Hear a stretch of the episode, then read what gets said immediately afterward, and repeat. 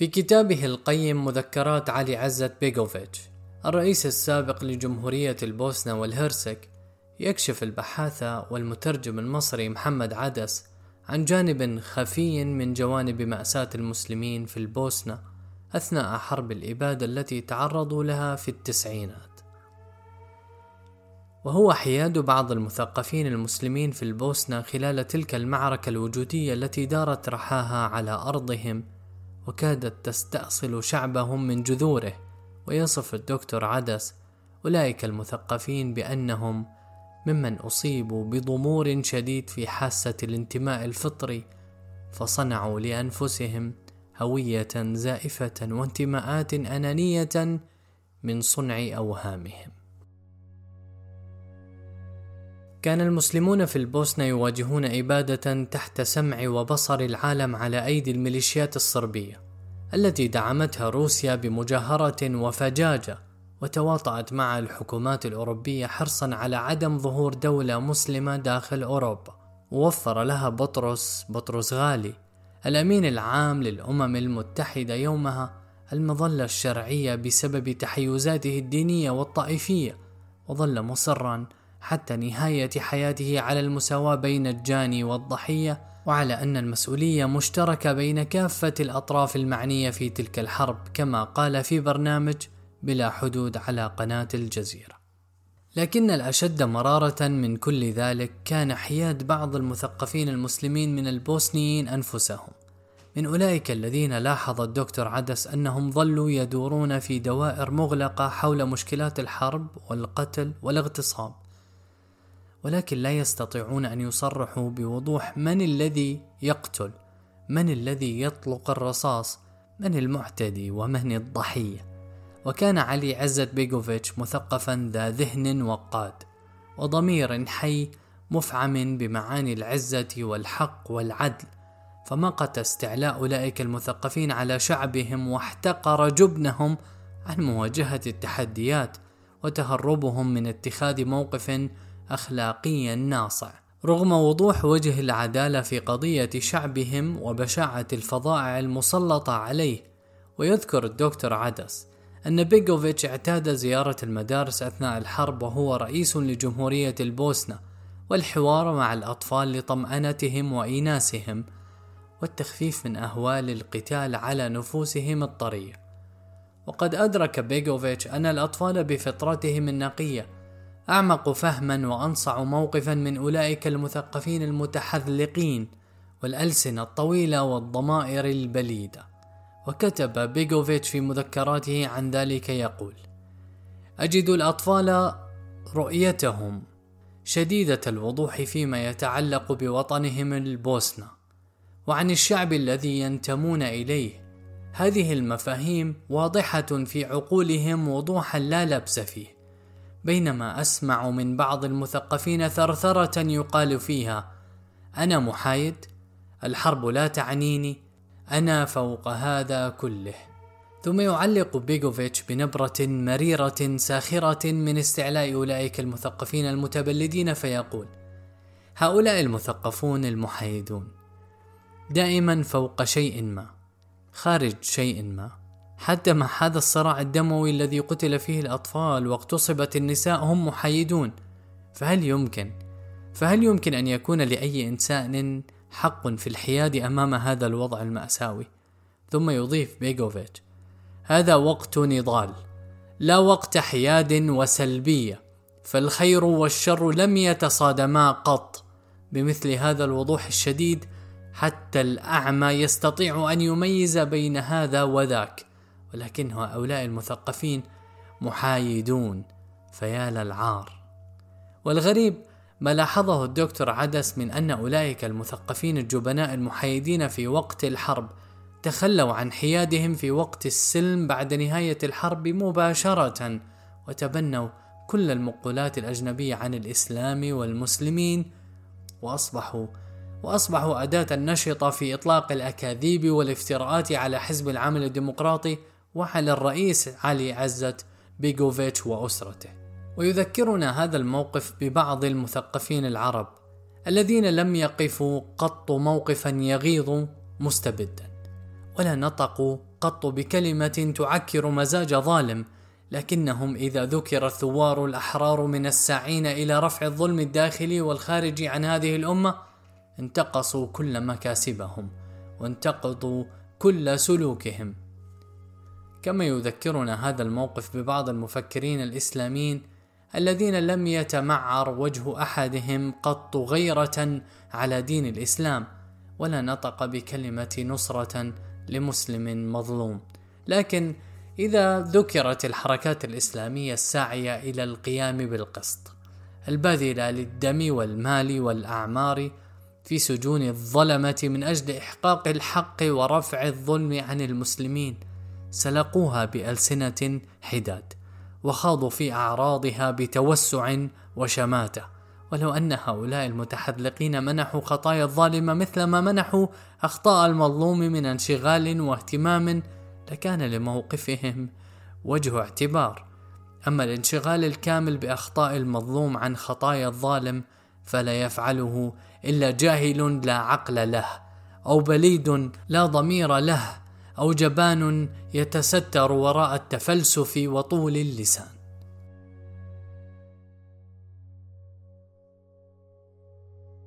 وعلى نحو ما لاحظ بيغوفيتش هذا الإفلاس الأخلاقي لدى المثقفين الحياديين. لاحظه أيضا الدكتور عبد الوهاب المسيري في تقديمه لكتاب الدكتور جمال حمدان اليهود أنثروبولوجيا. ولقد كان كل من المسيري وحمدان مثالا للمثقف ذو الضمير الحي والموقف الأخلاقي الملتزم. وقد أشاد المسيري بحمدان في هذا المضمار تحديدا وأوضح الفرق بينه وبين مثقفين آخرين جعلوا أكبر همهم تحسين سيرتهم الأكاديمية وحصروا غاية همتهم في الحصول على ترقية. يقول المسيري كل كتابات جمال حمدان ليست دراسات أكاديمية بالمعنى السلبي للكلمة أي الدراسات التي يكتبها أحد المتخصصين الأكاديميين دون ما سبب واضح. ولا تتسم بشيء سوى أنها صالحة للنشر لأن صاحبها اتبع مجموعة من الأعراف والآليات البحثية من توثيق ومراجع وعنعنات علمية موضوعية. ثم الاتفاق عليها بين مجموعة من المتخصصين والعلماء والهدف عادة من مثل هذه الكتابات التي يقال لها أبحاث مع أنها لا تنبع من أي معاناة حقيقية ولا تشكل بحثا عن أي شيء. هو زيادة عدد الدراسات التي تضمها السيرة العلمية للأكاديمي صاحب الدراسة فتتم ترقيته. ثم يسخر المسيري من داء التبلد الأخلاقي والحيادية السلبية لدى بعض هؤلاء المثقفين.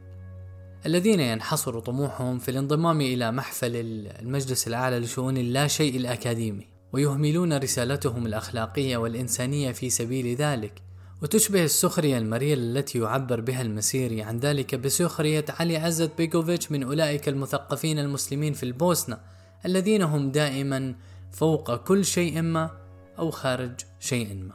يقول المسيري قد تقوم الدنيا ثم تقعد وقد يقتل الأبرياء وينتصر الظلم وينتشر الظلام وصاحب البحث لا يزال يكتب ويوثق ويعنعن وينشر ثم يكتب ويوثق ويعنعن وينشر وتدور المطابع وتسيل الأحبار ويخرج المزيد من الكتب. ثم يذهب صاحبنا إلى المؤتمرات التي تقرأ فيه أبحاث أكاديمية لا تبحث عن شيء ليزداد لمعانا وتألقا إلى أن يعين رئيس المجلس الأعلى لشؤون اللا شيء الأكاديمي. يتحرك في عالم خال من أي هموم إنسانية حقيقية. علم خال من نبض الحياة.